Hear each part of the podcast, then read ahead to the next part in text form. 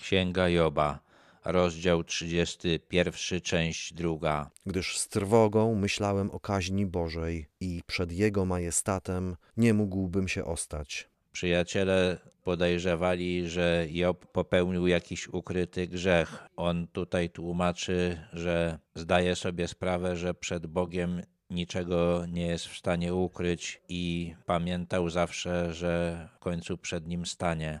Jeżeli w złocie pokładałem nadzieję i do szczerego złota mówiłem, Tyś ufnością moją, jeżeli się cieszyłem z mojego wielkiego bogactwa i z pokaźnego mienia zdobytego swoją ręką, jeżeli widziałem światło słoneczne, gdy świeciło i księżyc, gdy sunął wspaniale i moje serce dało się uwieść potajemnie, także im słałem ręką pocałunki i to byłby występek karygodny, bo bym się zaparł Boga na wysokości. Był pewien, że w jego sercu nic nie zajęło miejsca Boga. Na pewno nie był jego Bogiem jego majątek, chociaż był olbrzymi. Cały czas pamiętał, że złoto nie uratuje go przed nieszczęściem. Pamiętał też, że ten majątek, który ma, nie czyni go lepszym człowiekiem i nie przywiązywał do niego wielkiej wagi. Nie czcił też żadnego stworzenia, ani słońca, ani księżyca. Wiedział, że jest Stwórca, który jest godzien chwały i tylko jemu się ona należy.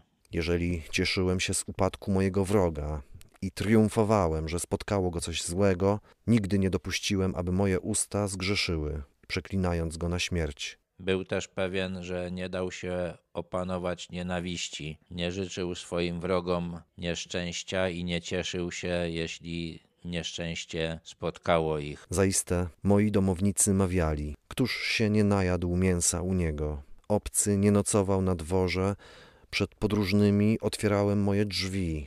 W tych czasach o mięso nie było tak łatwo, jednak Job gościł mięsem każdego, kto do niego przychodził i nie było takiego przypadku, żeby, żeby nawet obcego, który przechodził, nie zaprosił, aby u niego nocował. Jeżeli, jak to czynią ludzie, ukrywałem moje występki, moją winę taiłem w moim łonie, ponieważ bałem się licznego tłumu, albo przerażała mnie wzgarda rodów, więc milczałem i nie wychodziłem poza drzwi, obym miał kogo, kto by mnie wysłuchał. Oto mój podpis. Niech mi odpowie wszechmocny. Obym miał oskarżenie napisane przez przeciwnika. Dla Joba to, co myślał o nim Bóg, było tak ważne, że gdyby popełnił jakiś grzech, to nie próbowałby go ukrywać przed ludźmi, nie bałby się utraty prestiżu i wiedział też, że jeżeli zacznie ukrywać coś przed ludźmi, to nie będzie miał nikogo, kto by go naprawdę chciał wysłuchać. Job był pewien, że Bóg ocenia go podobnie jak on sam i nie bał się oskarżeń ludzi. Zaiste złożyłbym je na swoje barki, uwieńczyłbym nimi swoją głowę. Oznajmiłbym, oznajmiłbym mu liczbę moich kroków, przystąpiłbym do niego jako książę. Gdyby znalazł się ktoś, kto wystąpiłby przeciw Jobowi z oskarżeniem o skąpstwo, o bałwochwalstwo czy nienawiść do kogokolwiek, to Job nie ukrywałby tego, wręcz przeciwnie. Stwierdził, że to oskarżenie by nosił jak koronę, czyli pokazywał wszystkim, a oskarżycielowi dostarczył szczegółowych relacji ze swojego życia, żeby łatwiej mu było otworzyć akt oskarżenia. Był pewien, że niczego godnego uwagi jego przeciwnik i tak nie będzie w stanie stworzyć i nie znajdzie rzetelnych świadectw przeciwko niemu. Jeżeli moja rola wołała o pomstę przeciwko mnie i wespół z nią płakały nade mną jej zagony, jeżeli spożywałem jej plony bez zapłaty, a jej właściciela pozbawiłem życia, to niech zamiast pszenicy wzejdzie oset, a zamiast jęczmienia chwasty. Skończyły się słowa Joba. Zapewnił też swoich przyjaciół, że nie wyzyskiwał w żaden sposób tych, którzy dla niego pracowali. I nie powiększał swojego majątku w niegodziwy sposób, na przykład zabijając właścicieli pól, które potem użytkował. Był gotów ponieść z rąk Boga karę, jeżeli w tym względzie zawinił. W tej księdze jest zapisana jeszcze jedna wypowiedź Joba po tym, jak Bóg do niego przemówił i ukazał mu się, ale tak zakończył swoją obronę przed oskarżeniami przyjaciół.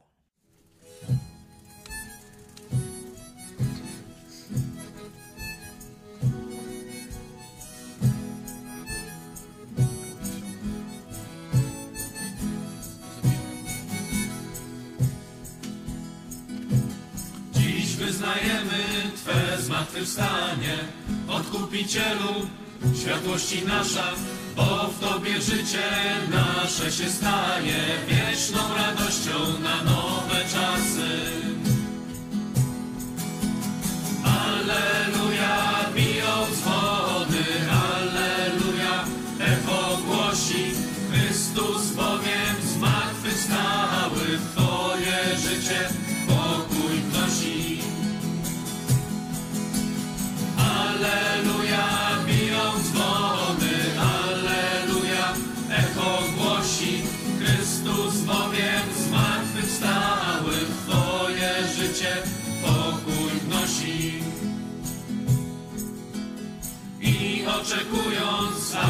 przyjdziesz chwale, z wiarą, miłością, mocnik nadziei, chcemy być, Panie, Twymi uczniami, światłością świata i solą ziemi.